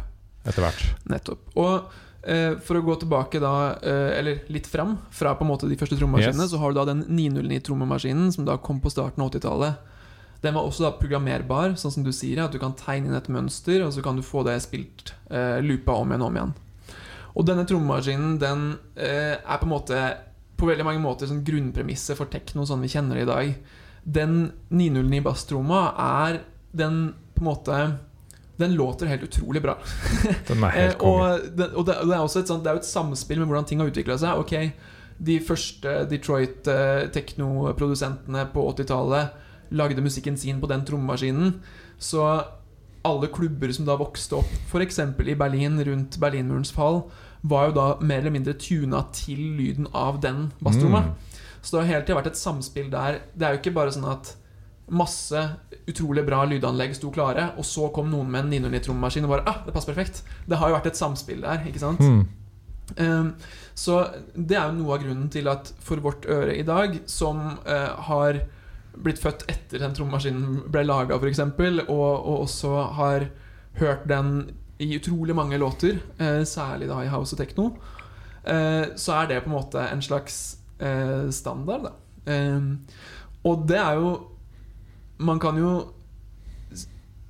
Altså, tenker, Sånn som jeg oppfatter det, så er det veldig positivt, da. For det er, veldig, det er veldig mye Det er det som er så gøy med tekno, at det er veldig avgrensa regler. Det er veldig avgrensa space. Altså, det, er liksom, det er mellom eh, La oss si eh, 125 og 140 BPM cirka, ikke sant? Mm. Eh, og det er få elementer, det er repetativ struktur. Eh, altså, det er mange fellestrekk man kan si om det vi kaller eh, tekno. Og innafor de rammene så føler jeg at det, det, det vokser opp sånn utrolig mange muligheter og, og masse rom for kreativitet. Og det er jo det jeg liker aller mest med den sjangeren. Um, Så det er ganske um, Hva skal man si? Det er på en måte en del sånne regler innenfor tekno, som du sier. Mm. Hastigheten kan ikke gå for sakte, ikke for fort. mm, Og liksom beatsene må gå litt sånn og sånn. mm, Men innenfor det igjen, mm, så for deg som artist, mm. åpner det for ekstremt mye kreativitet og muligheter. Ja, veldig. Og, og det er også da jeg føler at det er mulighet for meg til å uttrykke meg personlig. Mm. For hvis du bare liksom gir meg noen elektroniske instrumenter uh, og sier sånn Gjør hva du vil, så er det sånn uh, Ja vel, liksom. Men det, det er sånn, jeg, jeg føler meg ikke noe, noe fri av, det, av den invitasjonen. Men hvis det er sånn Her er et A4-ark, tegn på det, men ikke tegn utafor arket, liksom. Så er det sånn Ok. Det, det er på en måte Mm. eh, Da er det liksom eh, Det må på en måte være en hage for å på en måte kunne eh, virkelig elske alle vekstene der. da Men Hvis det bare er sånn uendelig upløyd mark, så er det sånn ja. Ja. Hvor er det egentlig mitt område er her? Gjør denne gigantiske skogen fin. Ja. Bare OK. What, what the fuck? Hvor skal jeg begynne? Sånn, eller ta den lille hagen her utenfor huset ditt. Den er din. Kjøkkenhagen. ja. Det som er min kjøkkenhage akkurat nå, da er en helt spesiell trommemaskin som eh, kommer fra Russland, og som heter Pulsar 23. Og den er eh, på veldig mange måter annerledes enn 909, eh, men For nå kommer the juicy techno-nerd-stuff fram, ikke sant? Ja, nettopp. Og det er da en trommemaskin som på samme måte som andre trommemaskiner er bare sånn man, Jeg kan spille på den med fingrene, på en måte. For eksempel. Eh, men jeg kan også loope mønstre, sånn at jeg kan spille noe, og så repeteres det om igjen og om igjen. Det som er veldig spennende med den maskinen, er at eh, der hvor på veldig mange andre maskiner så har man på en måte eh, eller, eller den- har også knapper og altså knobs. Hva heter knobs på norsk, tro? Dere skjønner hva jeg mener med knobs. Ja, en sånn potmetergreie som ja. man vrir. Ja. Eh, Et bitte lite ratt. Ja. og så eh, Den har jo dette. Men i tillegg så har den en del eh, Eller altså over 100 tilkoblingspunkter som man kan feste utapå panelet med kabler. Mm. Så på samme måte som at inni en sånn elektrisk maskin så er det jo innmari mange koblinger mellom en komponent her og en komponent der, som gjør forskjellige ting, så har denne maskinen muligheter til å gjøre det At jeg kan gjøre det som utøver, da. Ikke bare ingeniøren, på en måte, før den er produsert. Eller når den blir produsert. Um, og på denne maskinen så kan jeg bruke enten kabler til å feste to Til å sende eh, La oss si lyden fra en, en klapp, en, en klappelyd, til en, til en klang. da At det høres eh, i gåseøynene ut som at det er i et rom. Ikke sant? Den legger på et slags space etter klangen. En, en liten hale. Nei, unnskyld. Så du kobler, du kobler til den maskinen en mikrofon? Og Eh, nei. nei. Nei, den Nei. har på en måte eh, elektriske eh, komponenter som genererer lyd. Aha. Så på samme måte som jeg forklarte Så du kan flytte disse ledningene rundt? Nettopp. Yes. Så det, det er på en måte Den lager lyd i seg sjøl, men jeg kan også sende lyd rundt på maskinen til forskjellige punkter. Mm. Dette kan jeg også gjøre med fingrene.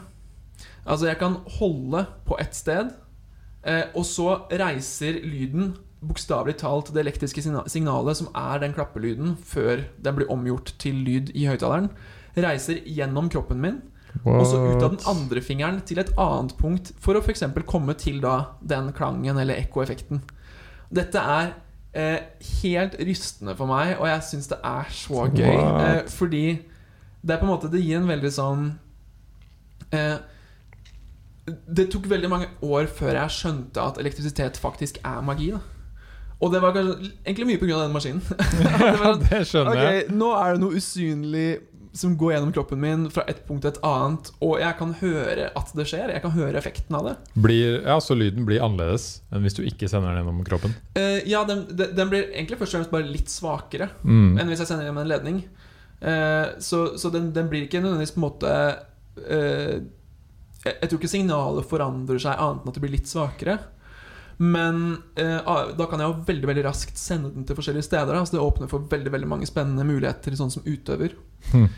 Eh, og dette er eh, uttrykket jeg jobber med i min tekno nå. Fett. Dette er lyden jeg vil ha. Jeg vil ha den veldig veldig crispy lyden og raske lyden av på en måte eh, Hva skal jeg si liksom kriblende elektrisitet. da Der hvor på en måte Altså disse veldig på en måte eh, høyfrekvente og veldig klart definerte små eh, elektriske lydene, hvis jeg kan kalle det Mm, Som er den mest presise måten jeg får sagt det på, tror jeg. Ja. ikke sant? Så det er i hvert fall noe som opptar meg veldig nå, og som jeg har det utrolig mye moro med. mm. Det høres helt sykt Jeg må komme og se på den snart, skjønner jeg. Du må komme opp i tårnet mitt Ja. besøke meg i studio snart. Opp i tårnet. Nå Ja. har du vært i mitt studio, Ja, så nå må jeg til dit. ja. Vil du si at det har vært en fordel å komme fra andre musikksjangre inn i tekno? At du har skapt annen musikk før? Ja, det er et veldig godt spørsmål. Jeg tenker at det er eh, Det er vel sikkert sånn både en fordel og en ulempe på en måte. Altså, Mm. Eller jeg tenker sånn eh, Eller ulempe er kanskje å ta det litt langt. Mm. Men eh, eh, Altså, ok en, en annen ting jeg elsker med tekno, er jo det at selv om som sagt det er noen veldig avgrensa rammer, så er det på en måte innafor de rammene er liksom total frihet. da Yes. Det er ikke eksempel Så kan du si at i veldig mange andre musikksjangre så handler det mye om sånn her ja, men er, det, er det i tune? Synger vokalisten reint, eller er det litt surt? Eller at man må eh, stemme instrumentene. Bare, «Ah, 'Nå må jeg stemme min gitar i forhold til din gitar.' Sånne ting. Altså, det er, sånn er det ikke i tekno. Eh, og man kan jo selvfølgelig gjøre det. Du kan jo velge at basstromma og en synt skal være tuna helt likt. Men det er ingen grunn til å på en måte Altså Det er én måte å gjøre det på, og det kan jo bli kjempefint, men det kan også bli eh, ikke så interessant. Så det er jo noe jeg elsker med tekno, at det er veldig den derre utforskinga av lyd og elektrisitet i seg sjøl. Hmm. Litt sånn uavhengig av på en måte musikkteori og på en måte mer sånn eh, eh, prinsipper som, som jeg kjenner til liksom fra sånn klassisk musikk, f.eks. Eh, der man på en måte har veldig sånn Det er liksom én måte å gjøre det på.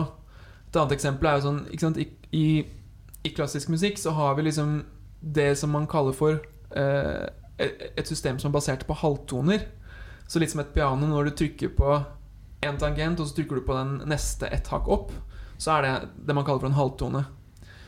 Mens det fins jo noe mellom. Ikke sant? Se for deg at du har en fele, og så, flytt, og så har du pekefingeren ett sted, og så flytter du den bare bitte litt. Ja, ja. Det blir jo en litt lysere tone. Men, eh, og i folkemusikk så er jo det her veldig veldig mye brukt, og veldig viktig. Kvarttoner og, og altså mikrotonalitet, da, som det kalles. Egentlig. Og dette er jo masse brukt i tekno. Ikke sant? Mm. Det at man på en måte kan F.eks. gjennom en låt så kan en synt veldig veldig sakte og gradvis ved noen punkter stige litt i pitch. Men ikke så mye at det er en modulasjon, sånn Melodi Grand Prix-stemning, på en måte. Men bare litt. Ikke sant? Og det er nesten så man ikke merker når man danser, men Absolutt. samtidig så er det et eller annet som skjer som får kroppen til å danse litt annerledes. være mest sannsynlig en eller annen uh, underbevisst effekt. Mm. Men, det, men jeg kan ikke sette fingeren på at det faktisk skjedde. Nei, nei. Så, så det her er jo det jeg syns er utrolig gøy, eh, og gjør at på en måte jeg føler meg veldig hjemme i teknoen. da eh, I forhold til liksom musikksjangre jeg har kommet fra tidligere. Eh, der det kanskje er litt mer sånn eh, Du kan si at en, en typisk forskjell mellom tekno og jazz da er jo at i jazz så forandrer akkordene Eller veldig ofte, ikke all jazz, men i, i mye jazzmusikk så forandrer akkordene seg hele tida. Altså man skal hele tida spille neste akkord. Det er hele tida på en måte en progresjon i eh, det harmoniske, som er det man Mm. kaller akkordene. Og en, og en akkord er jo da på en måte en, en slags eh, et, et stemningsrom, da. Ikke sant? En durakkord, f.eks., har et eh, eh, mer sånn glad uttrykk enn en moll-akkord, kanskje. Um, bam, bam, bam, bam, bam. Det er på en måte en sånn eh, glad stemning, kanskje Mm. går an å si det. Mens i tekno så er det ofte sånn at én låt har én akkord. Det er bare én eh, stemning, eller hva man skal si, den, låt, den låta. Um, det kan forandre seg, men det vanligste er jo at det er én. Og i det så tenker jeg at det er veldig mye rom og veldig mye muligheter for å utforske liksom, disse små detaljene som ligger eh, heller i liksom, de faktiske lydene, heller enn på en måte et sånt teoretisk konseptualisering av eh, Av hvordan toner fungerer i forhold til hverandre. Mm. Hm. Mm. Det er super Uh, interessant. Så ja, og det er ofte sånn Det er ofte at jeg snakker med folk som eh, Eller at jeg hører på, på en podkast eller hører folk snakker om at sånn Ja, nei, og nei, jeg har ingen eh, musikkteoretisk bakgrunn, så ja, jeg vet ikke helt om jeg gjør det. At, at, og det, kan, det har jeg hørt på til og med sånn for eksempel eh, podkasten til han eh, Speedy J som heter Nob Twiddlers Hangout. Yes. Som jeg anbefaler til alle som liker tekno Mm. og elektronisk musikk. Um, selv der kan jeg høre folk som har vært i gamet i 20 år, kan si det med sånn eh, et visst forbehold. Da. Hva er, det, hva er det de kan si? men At, de kan si sånn Ja, men jeg vet ikke om det er helt i tune. Jeg har ikke, jeg har ikke gehør for Eller jeg kan ikke liksom, musikkteori, på en måte. Men jeg, jeg tror at eh, det er ingen grunn til å være noe bekymra for. da nei. Fordi sånn, det å ikke kunne musikkteori er sånn Det tror jeg faktisk på mange måter kan være en fordel da Mm. i, i tekno. Fordi Si hvis du kommer fra dansegulvet, da, så Mm. vil du jo forstå det på en helt annen måte. Nettopp. Og du, og du vil følge hjertet og øra, og det er det eneste som har noe å si. Selvfølgelig er det det Mm. eneste som har noe å si. Eh, om man spiller to toner som er litt skjærende oppå hverandre, kanskje det er akkurat det du trenger. I tekno er sånn, det, det skal jo være edgy, det skal jo være utfordrende, og på en måte eh, Vi jobber, med, vi jobber på hele tida på et energinivå, eh, og på et veldig sånn det er, det er på en måte fysikk, liksom. Eller Mm. hva skal jeg si? Altså, det er faktiske bølger i, i det faktiske rommet. Eh, det er ikke på en måte en akkordrekke som eh, eh, legger føringer for hvordan en melodi får lov til å utfolde seg. Så ja. Jeg har jo hørt på På et par sånne eksperimentelle jazzvideoer på YouTube. Ja. Og de nærmer seg av og til tekno. ja, det kan jeg tenke meg, ja. Lillebroren min, du kjenner jo han godt, Fredrik, er jo jazzmusiker. Mm. Og han har vist meg noen sånne norske jazzmusikere som jammer med noen folk fra utlandet og sånn. Ja. Eh, eksperimentell jazz, Ja. kaller de det. Ja, ja. Og de er bare sånn Nå går vi så dypt inn i jazzen at det nesten blir tekno. Men uh, driver de da med looping? Ja. Ja nettopp. For eksempel. Ja. For det er jo det som på en måte uh, Det er jo det som kjennetegner teknoen. Mm. At liksom rytmen er på en måte uh, det, det, er, det, er, det er en sånn kontinuerlig puls hele tida. Mens i jazzmusikk så er det mer åpen for at sånn, nå spiller vi raskere, raskere, raskere og så plutselig bare spiller vi sånn mer sakte. Ja, Det vil aldri skje i tekno. Det er, ikke, det er på en måte, Da er det ikke tekno. Da er det på en måte noe annet igjen. Mm. Um, mens hvis man bruker en, uh, en loopepedal da, til gitaren, lager en liten rytme, og så får den effekten som vi snakka om tidligere, med at uh, Ok, nå har jeg hørt det én gang, det ga meg ingenting. Nå har jeg hørt det sånn tre-fire ganger, det begynner å bli fett.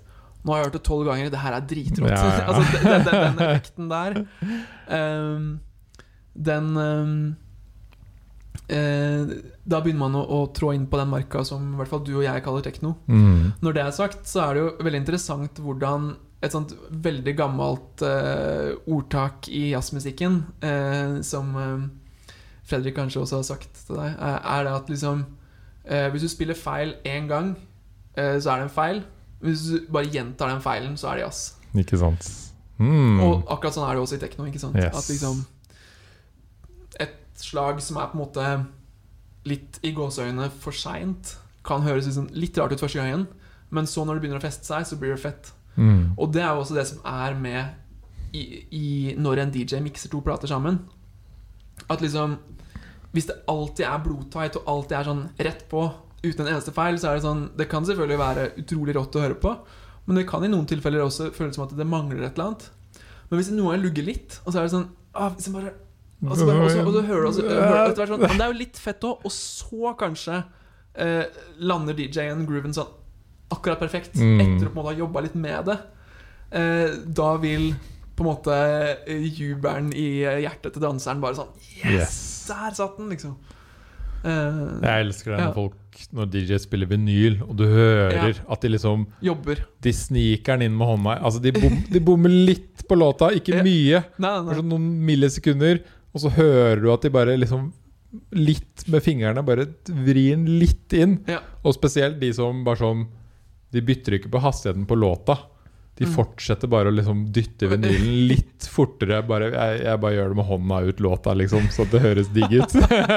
og så faller den litt ut, så bare tar jeg den inn igjen. Det er deilig. Ja.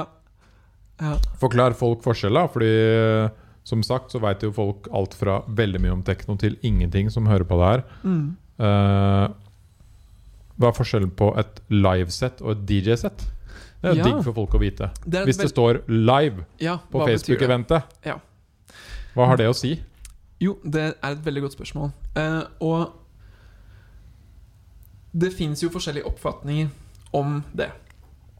Men det jeg i hvert fall helt sikkert kan si, er at i et DJ-sett så vil DJ-en eh, bruke musikk fra alle mulige forskjellige artister. Og kanskje sin egen musikk. Men, og, og, og, mix, og det er da ferdig lagde produksjoner som er lagd i studio. Eh, han har hørt på, eller hun har hørt på det flere ganger. Eh, sagt eh, til seg sjøl 'Nå er jeg midlertidig fornøyd med dette'. Sendt det til en annen person som har mastra det. Altså gått litt over og på en måte ja, gjort det litt høyere og liksom eh, gjort, det klart til utgivelse. Og, mm, Og så vil det jo da i de aller fleste tilfeller også da være utgitt. Så du kan i prinsippet finne den låta på YouTube eller kjøpe vinylen i butikken. Sånne ting. Så det er, det er jo et DJ-sett. Og at man da er lager, la, lager sin historie med å sette sammen denne musikken på en måte som eh, uttrykker den personen, og i et samspill med folka i det rommet man er i og danser. Liksom. Yes. Det er greia. Og det er jo hemmeligheten bak det å være en veldig god DJ òg. Ja. Fordi mange kan sitte her hjemme og tenke liksom Ja, det er jo greit og enkelt å sette sammen to låter, og så setter vi sammen en til når den er ferdig, og så en Ja. til, og så en til, og så er det gjort. Ja, det høres Men- så lett ut når du sier det sånn. Ikke sant? Men det er veldig mange faktorer i spill. da Det er det. Og, Tid, ja. Uh, stemning på folka. Mm. Spiller du først? Mm. Spiller du i midten? Spiller Mm. du sist? Eh, er det på dagen? Uh, hvordan ser stedet ut? Mm. Hva slags andre fester har de? Mm. Hvordan er lyset? Det er liksom veldig veldig mange faktorer som kan gjøre at en DJ må tilpasse seg. Det er hele tida et samspill med rommet og samspill med crowden. Eh, og så gjelder det å, å, å følge hjertet og uttrykke liksom, det som føles riktig for meg der hvor jeg står i det øyeblikket. Mm. Um, men, hvor, hvorav vi kan, For å ta litt mer om, en, om DJs, da. mm, For jeg har jo hørt sikkert tusenvis av DJs nå siden jeg begynte å, å gå ut og klubbe. regner med det. Og da er det jo veldig mange Det er jo veldig mange forskjellige. Mm. Men det er jo de som kommer inn og på en måte skal spille kule låter hele kvelden. mm, Det vil jeg si er litt kjedelig. Ja. Ikke sant? Bare ja, her er alle de kuleste låtene jeg veit om. ja. Og det syns også folk er kule låter. Ja. Men det er ikke noe unikt og spesielt med en sånn type kveld. Det er litt mer sånn henda i været, god stemning, fest. ja. Det, er, sant? det er funksjonelt, men kanskje ikke Yes. Det når ikke det neste nivået. Nei. Mm. Og så går du litt tom. Fordi det er sånn Ja, da spilte jeg alle de beste, kule låtene forrige helg. Mm. Om to uker igjen så må jeg egentlig gjøre det samme. Mm. Og så går du opp et nivå. Mm. Da er det jo liksom Ok, nå skal vi spille i hvert fall litt innenfor samme sound. Mm. Litt samme stil av tekno, ikke sant? Mm. Eh, kontinuitet gjennom låtene. yes, litt kontinuitet. Litt sånn Du har fortsatt ikke tenkt på hele kvelden Mm. og hvor mange timer du skal spille. Mm. Og så går man opp til liksom Begynner man å nærme seg the master level. Ikke sant? ja. De som, ikke sant? Det er litt som en sjakkspiller spiller, Ja. som ser for seg de ti neste trekkene. ja. Ja. Litt samme greia. Ja. Ikke sant? Du ser for Men- deg hvordan, mm. hvordan kvelden skal utvikle seg. Ja. Uh, og kan gjøre tilpasninger underveis, Ja, selvfølgelig, ja. i forhold Mm. til lys og rom og alt sånn. Mm. Men du har en liten plan og tanke om en reise som du vil ta med folka på. Mm. Absolutt. Um, men, men ja, som du sier, den reisen må inneholde nok åpenhet til eh, Yes. liksom slingringsmonn, og også kunne Altså, hvis noe rystende skjer, da eh, Liksom eh, Strømmen går, eh, okay, Yes. og så får du satt inn sikringa. Ok, det er en, en sjelden og spennende mulighet til å bare gjøre noe Mm. crazy, liksom. Ok, kanskje man da skal man bare Nei, men da setter jeg på prøve å finne cirka der vi var. Eh, eller skal man bare sånn benytte anledningen til å bare sånn Boom! lage en, en kontrasterende stemning? Ja. Og det er jo igjen da tilbake til hvor god DJ, hvor mye erfaring du har. Uh, utnytte de momentene i kvelden. Ja. Men også underveis da lese publikum. Mm, mm? For det kan være at Oi, jeg hadde tenkt i dag at uh, mitt DJ-sett skulle gå sånn over tre timer, Mm. men uti to timer så funker det ikke så bra. Nei. Og da liksom bevege seg litt over en annen Gå en litt annen sti, Mm. men fortsatt holde på et fett DJ-sett og en reise. Mm. Da er du liksom ultimat uh, god DJ. Ja. Nei, det er, det er en, det er en uh, veldig presis beskriving, syns jeg. Absolutt. Um, så ok, da har vi sagt noe om hva som er et DJ-sett. Når det gjelder her. Ja, takk for det. Eh, når det gjelder hva som er et livesett, så er det eh, Det det er, er at det er den personen som spiller det, som lager musikken. Og det fins eh, helt klart eh, noen folk, og jeg har også eh, gjort det sjøl ved et par anledninger, eh, hvor jeg har spilt Hvor jeg har tatt mine egne låter, delt de opp i mindre biter. Og så liksom jamma og improvisert med de forskjellige bitene. Mm. Sånn at det er ikke en ferdig produksjon, men det er ting jeg har laga som jeg er fornøyd med, som jeg har delt opp, og så kombinerer. Eh, sånn som jeg ser det, dette er ikke et livesett. Nei. Nei. Dette er eh, en veldig kul eh, og personlig form for DJ-ing. Ja. Det er, det er En eh, fet jam, Ja. men ikke med CD-spiller og vinyl, Nei. men med loops i Ableton trommemaskiner Live, eller, Ableton, en PC. Ja, men, jeg, Ja. men det jeg mener er at For når du sier trommemaskin Jeg mener med en gang du introduserer én eneste maskin som du spiller der og da, da er det et livesett. Da er det live. Ja. Så, så, så, så det er der jeg setter grensa, da. At sånn eh, Du må gjerne ha forberedt 90% av settet, liksom. Men hvis det er 10% som er at du står med én liten synt og loker, så er det godkjent. Da er det et livesett. I, i, I mine ører, da. Eh, men det jeg helst vil, og det, eh, det jeg jobber med, er på en måte å gå mye lenger, da. Eh, jeg har prøvd eh, en del å spille sånn totalt live, altså dvs. Si 100 improvisert. Gjorde Det- ikke du det på Moment kveld? Jo, Med noen som spilte jo gitar, stemmer. ikke sant? Ja, med, med Jo David. Ja, Ja, ja, ja. stemmer. Eh, jo da, det, det gjorde jeg, og jeg har gjort det på blå ved flere anledninger. Og det som er veldig gøy med det, er at det er jo helt åpent. Mm. Så da kan i prinsippet hva som helst skje.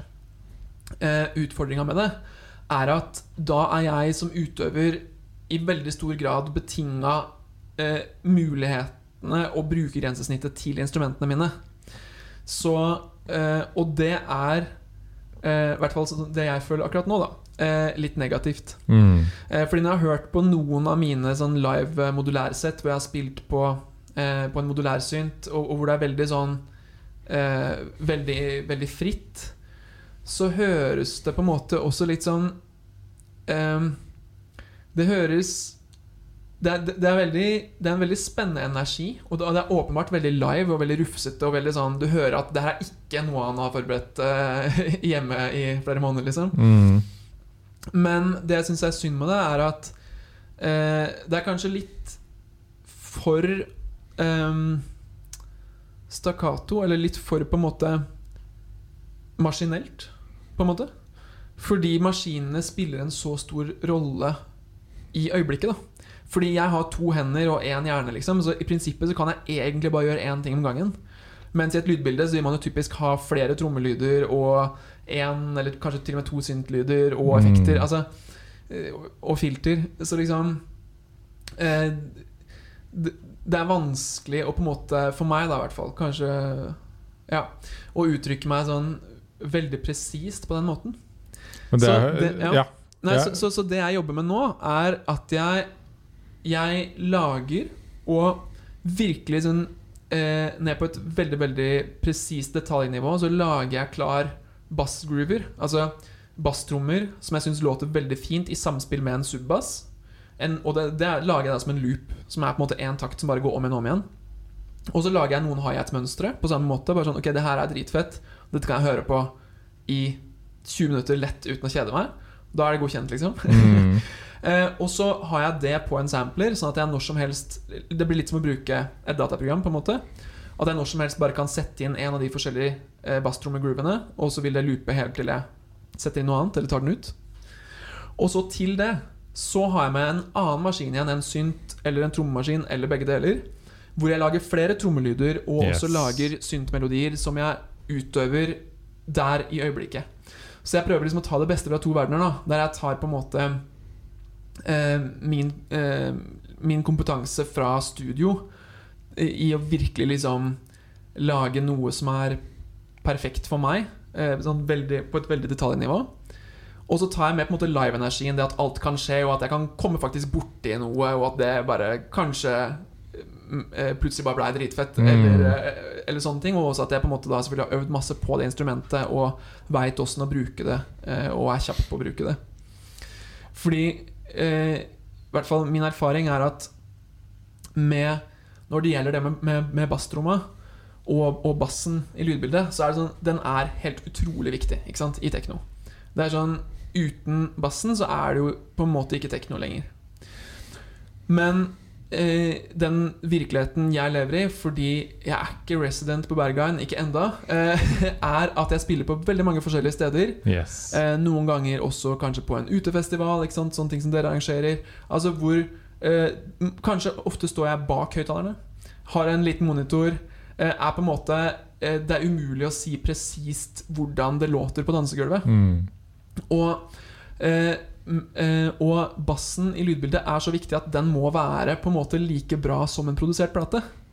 Eh, fordi hvis jeg står der og begynner å eh, leke med sånn okay, hvor, hvor lang skal halen på basstrommet være? Så kan det veldig fort gå over styr og på en måte rett bli ugroovy. da Altså Mm. ikke svinge, liksom. Eh, og da er jo på en måte Det er jo egentlig en betingelse for at det er tekno. Eh, mens med en synt så er det mye mer handlingsrom, tenker jeg. At det er mye mer sånn Det er mye på en måte mer variasjon mellom hva som kan fungere ikke, eh, på, på en synt. Det skal på en måte mye mer til før en syntlinje liksom faktisk hindrer folk i å danse, hvis du skjønner hva jeg mener. Mens en litt eh, sånn udefinert basstromme kan definitivt hindre folk i å danse. Yes. Eh, så, så- så det er min eh, Det er det jeg har landa på nå. Og så får vi heller se. Men det er det jeg kommer til å jobbe med nå, eh, og helt klart i neste år. å på en måte virkelig finspisse det uttrykket. da Der jeg kombinerer arbeid i studio med eh, arbeid som utøvende musiker. Det tror jeg er jævlig smart. Altså, jeg har jo hørt helt sånne livesett som du har gjort, Mm. som jeg har hørt av flere artister opp gjennom tiden gjort, Mm. hvor det er veldig fett der og da. Mm. Fordi det har truffet, det har vært fullt, det har vært god stemning. Ja. Og så har du hørt det dagen etter på SoundCloud, så bare Ja. Var det det her jeg hørte i går? ja, ja. Men sant, det har mye med rom å gjøre. Veldig. At liksom, Hvis du er i et rom der det er mye klang, så kanskje det, den eneste basstromma du trenger, er bare Bare Mm. sånn, på en måte. Og så vil det bli sånn en veldig fyldig og god, tung bass, på en måte. Men så hører du det på SoundCloud dagen etter, og da, da har man jo ikke satt opp ti mikrofoner rundt i rommet. Eh, men man har jo bare tatt eh, en kabel rett i DJ-mikseren, eh, og så tatt opp den. Trykker på record. Så, så man hører på en måte det elektroniske Eller det, det elektriske signalet Mm. helt rent. Men det har ikke vært innom det som heter akustikk, som er på en måte lyden av selve rommet. Yes. Og så har jeg hørt liksom de i, i midten, som du sier, som har planlagt litt og gjør også litt live. Mm. Og så har jeg hørt mestere Mm. som liksom i 20 år har holdt på med disse trommaskinene og maskinene og kan det inn og ut, og lyden og alt mulig. Mm. Uh, som blander alt det de kan, Mm. med noe nytt. Mm. Uh, nå spiller jo ikke han tekno, men f.eks. Nils Fram Ja. er jo helt vill. ja, han er fantastisk. Ja, det er helt sinnssykt. Ja.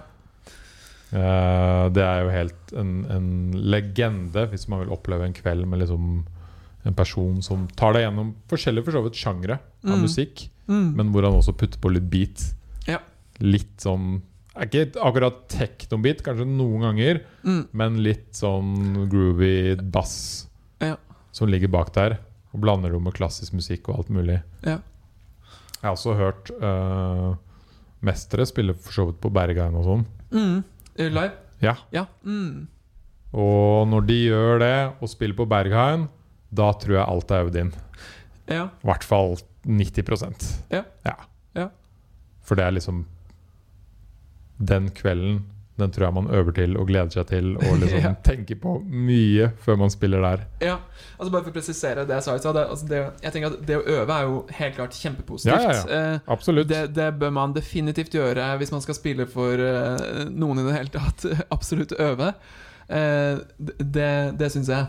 Men det jeg mente, eh, er, det med når noe er eh, helt låst. da Mm. Når det er bare sånn Nei, jeg er DJ med disse loopene, men det, jeg kan ikke Hvis jeg plutselig har lyst til å eh, Til å slå på en knapp og få en lyd, eller, eller å, å, å velge hvordan en lyd skal utvikle seg, annet enn kanskje akkurat filteret, så har jeg ikke muligheten til det. Nettopp. Og der tenker jeg at det um, At det er gærent å kalle det livesett. Og så er det jo de som spiller hybridsett.